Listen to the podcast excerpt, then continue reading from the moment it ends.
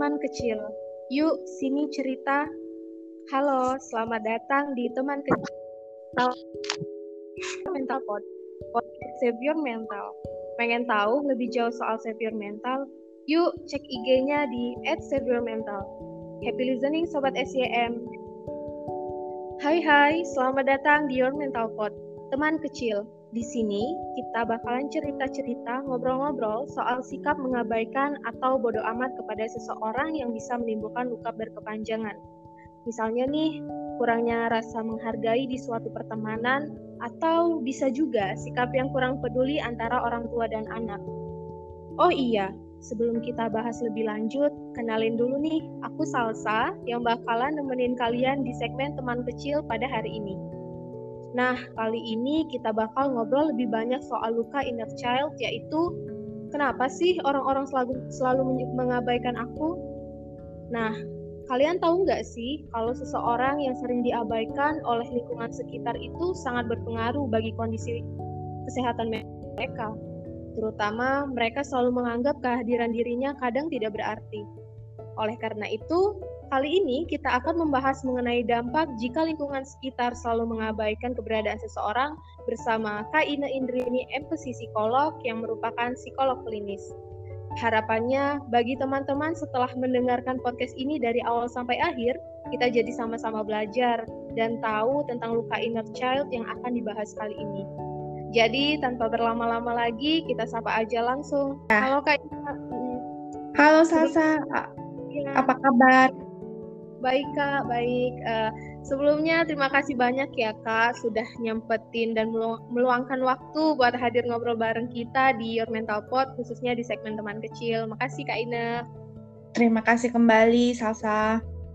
Iya. Uh, ngomong-ngomong uh, gimana nih kabar Kak Ina sekarang? Aku baik-baik aja, alhamdulillah. Tetap uh, praktek, terutama dengan online ya, karena omikron dan sebagainya gitu, dan tetap uh, oke-oke aja seperti itu. Alhamdulillah kalau gitu kak. Uh, sekarang kan masih kak, kakak masih work for, uh, from home? Aku setengah-setengah ya, banyak uh, work from home uh, online uh, karena aku banyaknya praktek ya jadi praktek online lebih banyak ketimbang uh, on, offline. Jadi tapi kadang aku uh, ke ke rumah sakit tetap ya offline juga tetap tapi dibatasi. Nah mungkin karena sekarang nih omikron udah mulai berkurang, kayaknya aku akan lebih banyak lagi untuk praktek offline-nya lebih banyak lagi sih gitu. Semoga lancar-lancar terus ya kak walaupun masih di masa pandemi. Iya, terima kasih. Semoga sehat-sehat juga ya kita ya, Mbak Salsa. Iya, Kak. Iya, Kak. Oke, uh, tadi kan aku sempat udah sempat mention nih, Kak, kita bakal ngobrol-ngobrol lebih jauh soal luka inner child seseorang yang sering diabaikan oleh lingkungan sekitar. Karena kan hmm. tanpa orang lain sadari, sikap acuh kepada seseorang itu akan selalu menjadi pertanyaan dan membuat overthinking seseorang mengenai hal-hal yang buruk. Terutama mereka pasti merasa kesepian dan merasa tidak ada yang peduli. Uh, luka diabaikan juga kan seorang merasa sulit uh, untuk merelakan suatu hal, rasa berharga yang rendah, serta mudah mudah menunjukkan emosi marah. Nah, hmm. mengenai pembahasan tadi nih Kak, aku mau tanya ke Kak Ina yang sebagai seorang psikolog uh, profesional, sebenarnya luka yang diabaikan yang berbekas kepada seseorang itu apa sih Kak? Oke, okay, jadi kan uh, luka yang diabaikan uh, mungkin maksudnya adalah waktu kecil uh, kita pernah diabaikan gitu ya dan ketika waktu kecil diabaikan misalnya biasanya rata-rata uh, sebagian besar itu korelasinya diabaikan itu uh, korelasi dengan relasi dengan orang tua atau terkait dengan attachment. Nah, ketika rasa diabaikan padahal uh, rasa kebutuhan untuk merasa aman, merasa diperhatikan itu adalah kebutuhan basic kita waktu kecil. Sehingga kita menjadi aman, merasa aman sehingga kita punya basic untuk eksplorasi ke dunia yang lebih luas lagi, tidak hanya di keluarga, tapi ke lingkungan luar, ketemu dengan orang, menjadi lebih percaya diri, dan lain sebagainya.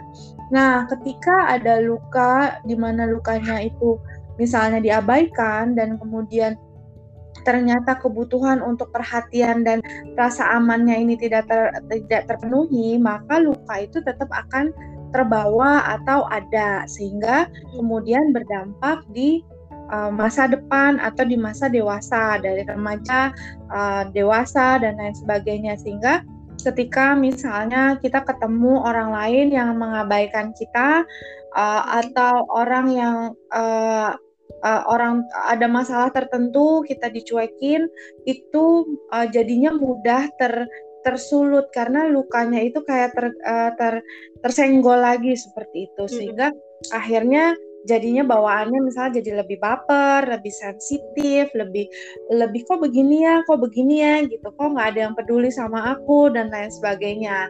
Uh, itu uh, uh, akibatnya ketika luka yang diabaikan di masa kecil ini uh, belum sembuh atau belum heal seperti itu. Jadi luka itu bisa berdampak ke masa yang akan datang ya kak kalau nggak segera diobatin gitu ya? Betul mengenai luka yang diabaikan yang uh, akan berdampak ke masa yang akan datang gitu kan tadi kan kakak sudah menjelaskan bahwa akan uh, berdampak ke masa remajanya ke masa dewasanya tapi mungkin uh, bisa dijelasin kak lebih spesifik lagi misal kayak perkembangan di remaja uh, mereka yang lukanya diabaikan itu bakal berdampak ke perkembangan mananya sih kak. Kayak misalnya atau uh, sikapnya karakternya atau bagaimana kak itu akan berdampak. Oke, pertama ada tentu saja ke emosi dan sosial ya. Emosi itu misalnya uh, dia jadi lebih baper ya, dia kemudian jadi lebih lebih sensitif atau lebih cari perhatian karena itu nggak didapetin. Terus hmm. kemudian ada juga yang uh, sosialnya, misalnya uh, karena dia diaba, diabaikan, uh, sehingga dia juga uh, sama orang itu mudah tidak percaya lalu kemudian dia lebih pilih-pilih atau dia jadinya lebih mudah marah karena dia mudah curiga dengan orang lain. Jadi memang lebih banyak dampak negatif meskipun pada kasus tertentu ada juga orang yang kemudian akhirnya karena dia tahu nyamannya nggak diabaikan, nyam, tidak nyamannya kalau diabaikan, maka dia justru lebih peduli sama orang lain. Hmm. Jadi dia lebih, lebih care atau jadi bahkan ada juga yang uh, lebih uh, peduli pilihan atau bahkan jadinya dependent kepada orang lain. Jadi dampaknya itu bisa berbeda-beda. Tapi intinya akan mempengaruhi seperti Mbak Salsa bilang untuk ke karakter untuk kesikapnya, untuk kerelasinya itu bisa uh, bisa seperti itu. Hmm. Oh gitu kak. Jadi sebenarnya dampaknya itu nggak cuma negatif ya kak ya, ada positifnya juga. Kalau misal mereka merasa kalau diabaikan itu tidak mudah gitu, nggak enak gitu. Jadi mereka lebih care sama seorang gitu ya kak ya. Jadi nggak semuanya akan berdampak ke negatif ya kak. Iya, untuk sebagian orang ya, hmm. uh, tapi kita cek juga dia kayak apa karena kan pengalaman hidupnya beda-beda tuh. Meskipun misalnya dia diabaikan tapi dia kemudian ada ada pembelajaran dari area tertentu gitu. Akhirnya dia oke okay, eh, saya nggak nyaman diabaikan saya mau seperti ini. Tapi biasanya memang uh, tidak uh, lebih uh, uh, presentasinya mungkin tidak sebanyak yang lebih banyak ke area negatif itu ya gitu. Oh iya gitu kak.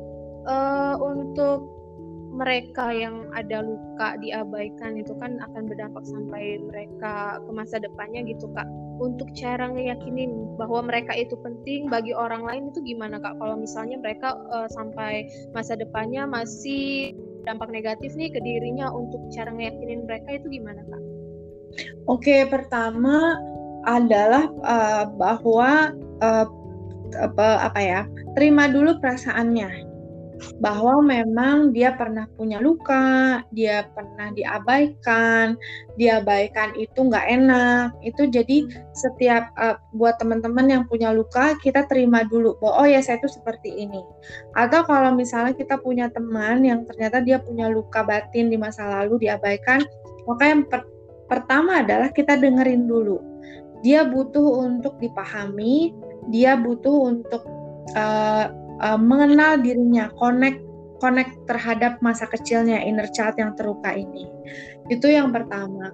Lalu yang kedua, ada banyak uh, hal-hal yang sekarang kan udah banyak tuh ya metode-metode self care. Jadi untuk melihat kita kita telusuri seberapa uh, pengabaian ini berdampak sama kita ya area apa aja yang berdampak? Apakah dalam relasi relasi hubungan sama misalnya ada uh, pacar atau ada uh, ada pasangan atau misalnya sama uh, rekan kerja dan lain sebagainya lihat dampaknya seberapa besar gitu. Lalu kemudian sebelum untuk melakukan uh, terapi misalnya atau misalnya untuk melakukan berbagai apa ya uh, ada self help dan lain sebagainya, tanyakan sama diri sendiri dulu apakah bersedia dan mengizinkan dirinya untuk heal atau terbebas dari atau menyembuhi diri sendiri. Gitu. Jadi dia perlu cek dulu apakah kamu siap, apakah kamu mau nggak sih tidak seperti ini. Itu dulu. Uh, kenapa penting? Karena uh, uh, tetap saja meskipun ada banyak jenis healing atau ada psikolog, yang paling utama adalah dirinya sendiri mau atau tidak untuk uh, lepas dari di sini gitu ya dari dari isu mengenai diabaikan ini. Lalu kemudian Nextnya adalah uh, teman-teman bisa melakukan uh, banyak hal ya, misalnya sudah mengenal diri, lalu melakukan self care atau ada sebutannya juga uh, self healing, misalnya dengan mengkonekkan tadi udah connect sama diri sendiri ini ya yang diabaikan, kira-kira dibutuhkannya apa dia? Misalnya apa yang dibutuhkan sama dia? Misalnya dibutuhkannya, oh iya saya uh, perlu diakui oleh mama saya atau saya perlu diakui oleh papa saya atau apa nih yang yang uh, dibutuhkan secara umum. Kemudian uh, kalau misalnya sudah uh, kita bisa tahu nih jadinya pendekatannya gimana untuk membantu uh, masa kecil kita yang diabaikan ini. Apakah bisa melakukan self healing gitu ya? Ada berbagai metode, misalnya mindfulness, ada tapping yang dilakukan sendiri, ada journaling dan lain sebagainya atau ternyata butuh bantuan orang lain atau profesional. Nah, itu yang uh, perlu dilakukan. Nah, hal yang tidak kalah penting adalah jangan sampai rasa diabaikan ini jadi excuse. Jadinya akhirnya oh iya, akhirnya mengasihani diri, akhirnya uh, menjadi merasa uh, ini kan uh, jadi menyalahkan orang lain. Gitu ya oh ya ini kan karena papaku, karena mamahku dulu begini, begini, begini. Karena ketika kita menyalahkan, lebih banyak menyalahkan yang sudah kejadian masa lalu, kita akhirnya tidak mudah untuk move on. Jadi intinya adalah kita pertama terima dulu apa yang terjadi dalam diri kita, kita telusuri dibutuhkannya apa, apakah dengan self healing atau dengan uh, bantuan uh, uh, profesional atau butuh curhat aja sama teman. Lalu kemudian uh, intinya adalah kita perlu nurturing diri kita. Jika ternyata misalnya uh, kita nggak bisa ada apa ya, nggak ada yang bisa untuk menolong kita, misalnya uh, yang dulu ngabain kita tuh udah nggak bisa diandalkan lagi untuk peduli sama kita gitu ya. Maka yang bisa mengandalkan adalah diri kita sendiri. Maka kita perlu nurturing diri kita. Makanya ada istilah nurturing inner child yang seperti itu. Nah, itu ada beberapa teknik yang bisa digunakan baik untuk sendiri maupun uh, dilakukan dengan bantuan profesional. Seperti itu. Oke, jadi uh, untuk uh, cara meyakini adalah yang paling penting mereka juga harus menerima ya kak menerima kondisi mereka menerima perasaannya gitu terus juga Betul. mereka harus mengenal kebutuhannya sebenarnya sebenarnya butuh diakui sama orang tua atau butuh dihargai oleh teman-teman gitu terus juga uh, untuk peran nih kak kalau peran misal uh, kita punya teman gitu yang mereka punya luka yang sama luka diabaikan gitu peran kita sebenarnya teman itu gimana sih kak buat uh, ngeyakinin mereka lebih yakin gitu atau uh, cara kita buat dampingin mereka itu gimana kak? Oke, okay, ini menarik banget ya. Pertama, uh, ketika kita uh, membantu teman kita, yang pertama adalah memahami dulu, memahami dia dan menerima dia apa adanya.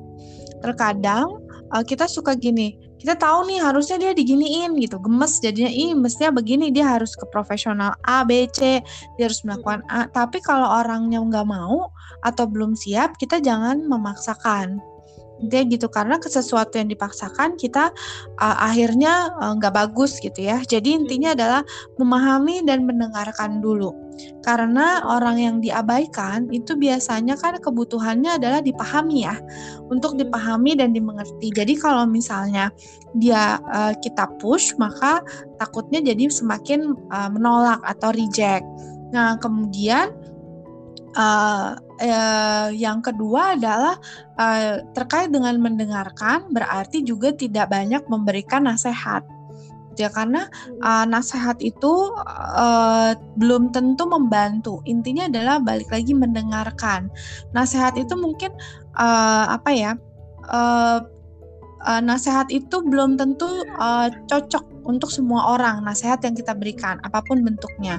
Jadi kalau misalnya teman-teman pengen memberikan suatu nasihat atau memberikan saran, tanyakan dulu dan dilihat dulu apakah waktunya tepat atau enggak. Itu yang penting. Lalu tanyakan apa yang kamu butuhkan dari saya itu penting. Mm-hmm. ketimbang kita langsung eh kamu harusnya begini begini begini gitu. Jadi mm-hmm. apa yang ka, uh, kamu but apa yang bisa saya bantu untuk membantu dirimu? Apa yang bisa aku lakukan? Mungkin siapa tahu di situ ternyata dia cuma pengen untuk didengerin doang atau dipahami. Nah intinya adalah mendengarkan terus kita hadir untuk teman itu. Tidak menjudge dia salah siapa yang salah. Lalu kemudian uh, benar-benar apa ya nemenin dia. Dan tadi yang kalau misalnya pun mau memberikan nasihat perlu dicek dulu itu waktunya tepat atau enggak. Cocok enggak untuk dia? Oleh karena itu tanyakan kamu apa yang aku bisa bantu untuk dirimu? Atau kamu uh, butuh bantuan apa dari aku yang bisa mungkin membantu dirimu? Intinya adalah tidak uh, memaksakan. Seperti itu ya jadi sebenarnya peran uh, teman itu sangat penting ya kayak bagi orang yang mengalami luka yang diabaikan gitu. Karena kan orang-orang juga kesehariannya pasti mereka bersosialisasi gitu. Di antaranya hmm. dengan teman sendiri. Untuk peran teman tadi ialah yang kata Kak Ina adalah memahami teman atau lebih mendengarkan gitu kan. Apa yang dibutuhkan hmm. teman gitu. Apa sih yang dibutuhkan dari saya? Apa cuma uh, butuh cuma butuh didengarkan gitu atau pertolongan lain hmm. untuk memberi nasihat itu ada waktunya gitu ya kak karena nggak hmm. selama kita bisa menasihati seseorang gitu terus juga kita tidak menjudge gitu ya kak benar ya kak betul betul banget mbak Salsa Oke, okay. uh, eh, terkait luka yang tadi kita bahas, sebenarnya luka tersebut bisa hilang nggak sih kak? Oke, okay. kalau luka itu bisa hilang atau tidak, sebenarnya lebih luka itu uh, dibilang kalau memori nggak akan hilang ya kalau dia ingat ya. Karena itu kan tersimpan di otak kita. Tapi uh, apakah bisa let go? Gitu. Jadi lebih apakah let, let go lepasin dan nerima?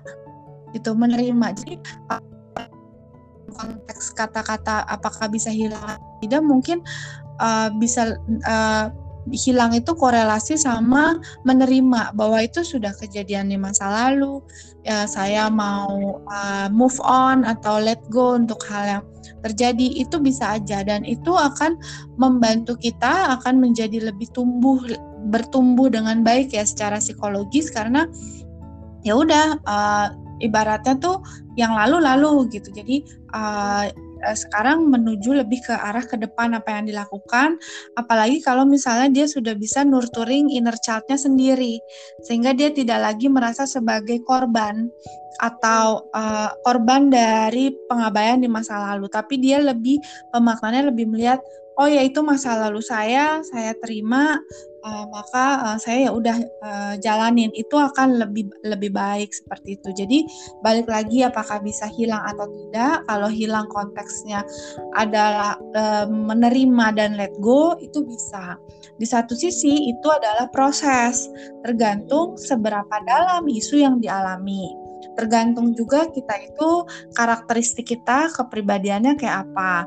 Lalu kadang juga lingkungan mempengaruhi apakah uh, lingkungan ini support sama kita atau tidak gitu. Lalu kalau karakter tadi ya, apakah kita adalah orang, contohnya ah, kita itu orang yang tangguh atau tidak, mau untuk skill atau tidak.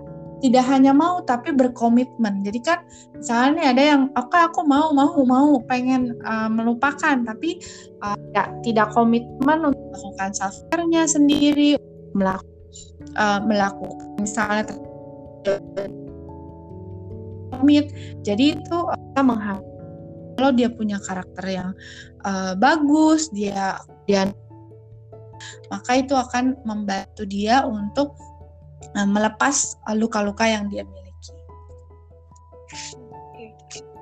Oh gitu ya kak. Jadi uh, luka itu kalau dibilang bisa hilang atau itu enggak, itu uh, yang mempengaruhi adalah mereka bisa menerima atau tidak gitu ya kak. Karena di saat mereka menerima mereka juga akan berdamai dengan dirinya sendiri dan sedangkan kalau mereka tidak menerima itu akan berdampak besar kepada psikologisnya terus juga uh, kakak bilang adalah tergantung pada prosesnya gitu.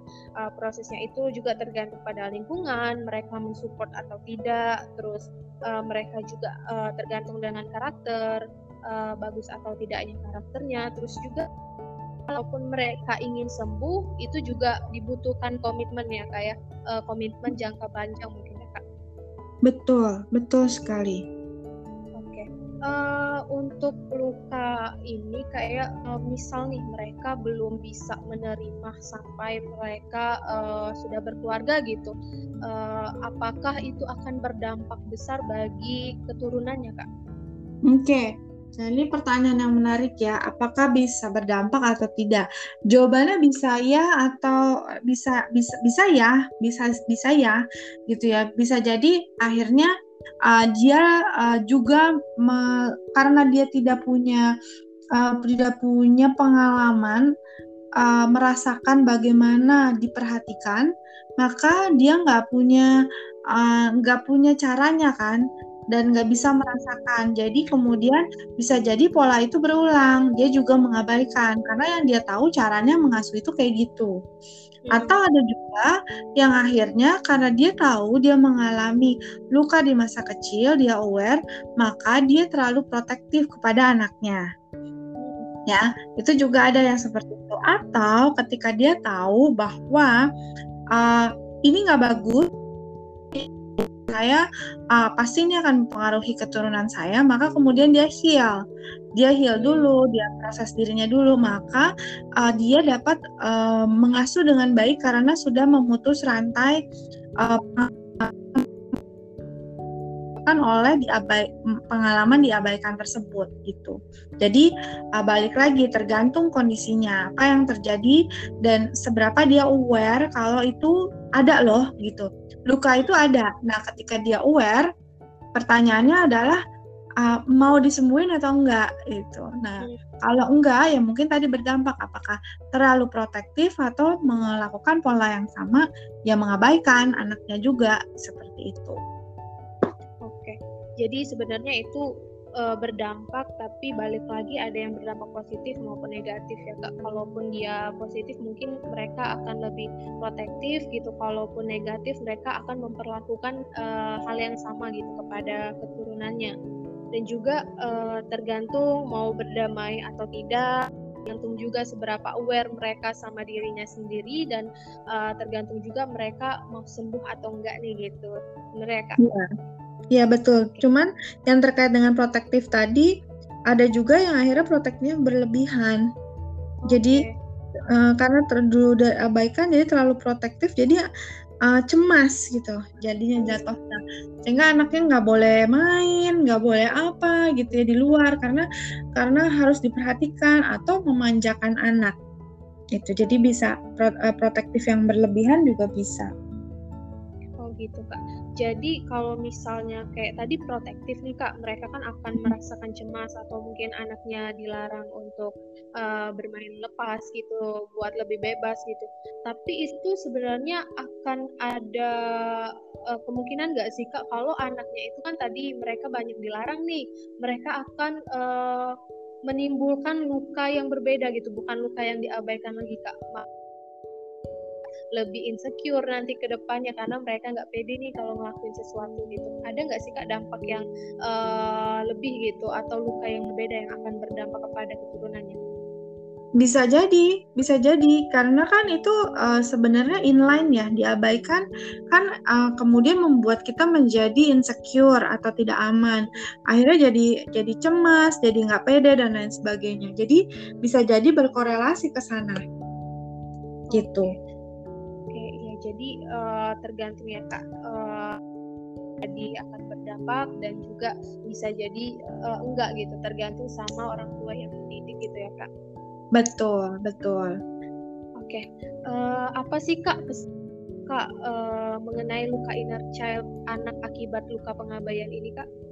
Oke, okay. pesan aku adalah pertama uh, aware kalau misalnya kita punya luka, kita aware dan terkoneksi, jangan diabaikan. Maksudnya kita lihat apa sih yang terjadi di masa kecil kita, uh, kita kita aware kita sadari, kita koneksi, lalu kemudian uh, uh, uh, pertanyaannya adalah seperti yang tadi, dengan seperti ini, apakah uh, kita cek berdampak nggak dengan masa kehidupan kita saat ini, atau yang sudah menikah, apakah berdampak nggak sama cara kita melakukan parenting atau mengasuh anak dan berdampak nggak ke anak kita. Kemudian seberapa dampaknya tersebut. Lalu kemudian pertanyaannya mau memutuskan nggak untuk healing atau tidak seperti itu.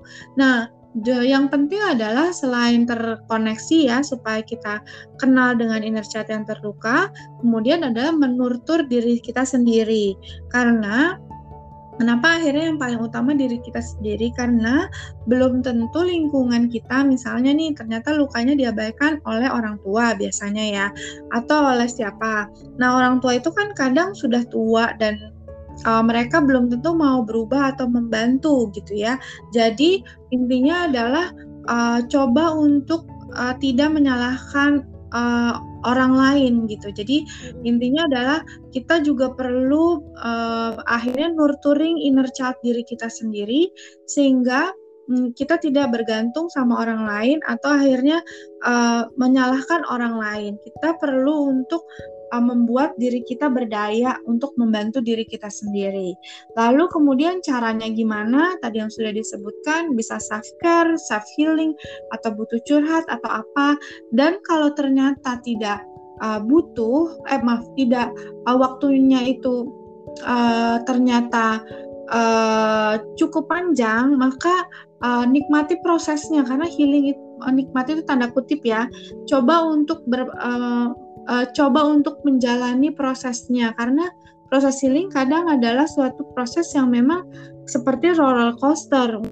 Orang tertentu bukan sesuatu yang kemudian udah selesai selesai tapi uh, terkoneksi rasa uh, healing itu adalah uh, uh, apa uh, kehidupan uh, journey kehidupan kita ya. Jadi perjalanan hidup. Lalu kemudian kalau ternyata merasa membutuhkan bantuan profesional, silahkan untuk datang. Cuman balik lagi yang tadi ya, bahwa proses healing adalah perjalanan hidup sehingga membutuhkan uh, waktu tidak bisa seperti membalikan telapak tangan dan kebutuhkan dan membutuhkan keberanian dan komitmen kita juga sendiri untuk memproses dan nurturing inner child kita yang terluka. Seperti itu Mbak Salsa. Baik Kak, jadi uh, banyak ya Kak uh, pesan-pesan yang Kakak sampaikan tadi ialah uh, cara untuk mereka yang mengalami luka inner child itu gimana sih biar mereka itu jauh lebih baik gitu. Misalnya kayak aware mereka lebih aware sama dirinya sendiri uh, terus juga rasa itu juga kalau bisa jangan diabaikan. Mereka mungkin bisa lebih introspeksi lagi sebenarnya luka ini bakal berdampak orang sekitar mungkin yang bakal menjadi orang tua akan berdampak gak uh, pada cara parenting mereka gitu. Terus uh, tergantung juga mereka mau healing atau tidak karena healing itu adalah perjalanan hidup mudah gitu ya kak. Betul betul mbak Salsa. Baik kak uh, mungkin tadi adalah pertanyaan terakhir uh, saya kak. Uh, sebelumnya Salsa mau ngucapin uh, Kak Ina yang udah mau nyempetin buat uh, ngobrol di podcast ini buat buat uh, ngobrol tentang luka inner child yang di mana seseorang itu kadang merasa diabaikan, tidak dihargai uh, oleh orang-orang sekitar, baik teman maupun orang tua. Terima kasih kembali Kak Mbak Salsa atas kesempatannya. Baik, uh, uh, sama-sama Kak Ina. Di sini aku mau nyimpulin nih jawaban dari Kak Ina tadi, uh, obrolan-obrolan yang udah kita obrolin tadi bahwa sebenarnya luka inner child ini sebenarnya uh, tidak boleh diabaikan gitu dan juga kita harus memperhatikan uh, kebutuhan mereka mereka itu sebenarnya butuh didengarkan atau membutuhkan bantuan dari uh, orang gitu. Dan juga luka ini akan sangat berdampak ke masa yang akan datang gitu. Mungkin salah satunya ke emosi sosial mereka mereka akan lebih baper. Dan juga dampaknya itu tidak hanya negatif uh, mereka juga uh, akan berdampak ke lebih positif gitu. Kak Ina menyebutkan bahwa ada solusi-solusinya gitu untuk orang-orang yang uh, mengalami luka inner child uh, yang diabaikan ini bahwa uh, uh, mereka harus menerima perasaan gitu. Mereka juga harus mengenali kebutuhannya uh, kebutuhan dari orang-orang sekitarnya terus juga uh, ditanyakan kepada sendi diri sendiri gitu apakah siap untuk healing atau tidak karena healing itu butuh adanya komitmen gitu kan. Terus juga jangan sampai jadi merasa bahwa orang lain salah gitu. Oh, maksudnya menyalahkan orang lain gara-gara uh, orang tuaku aku jadi seperti ini gitu kan. Dan juga terakhir menerima diri sendiri gitu ya kak. Betul. Betul banget mbak Salsa baik kak uh, ternyata luka apa pun itu sangat penting ya bagi kesehatan mental seseorang, terutama apabila dia selalu memendam luka sendiri. Nah, kebetulan uh, kita udah banyak ngobrol, terus juga tanya jawab dari tadi, dan sekarang berada di ujung acara podcast teman kecil. Mungkin uh, dari Kak Ina nih, uh, aku mau minta closing nih dari Kak Ina, mungkin ada sepatah gitu yang mau disampaikan kepada uh, sobat SCM nih kak mengenai luka ini? Ada nggak sih kak hmm. sedikit aja gitu kesan dan okay. pesan kakak? Siap. Uh, kalau pesan aku adalah be aware dengan kesehatan mental kita, termasuk luka masa kecil, tapi uh, tetap resilience, uh, tetap keep move on, aware dan tetap keep move move on sehingga kita menjadi pribadi yang uh, tangguh dan memiliki kondisi kesehatan mental yang baik. Mungkin itu aja Mbak Salsa. Oke, uh, pesan yang sangat bermanfaat ini mungkin uh, buat sobat SCM ya Kak. Baik, terima kasih Kak ini atas ilmunya mengenai pembahasan kita tadi. Semoga pembahasan tersebut bisa memberikan pengetahuan bagi sobat SCM. So, sobat SCM, sampai ketemu di episode selanjutnya ya di teman kecil. Yuk sini cerita. thank you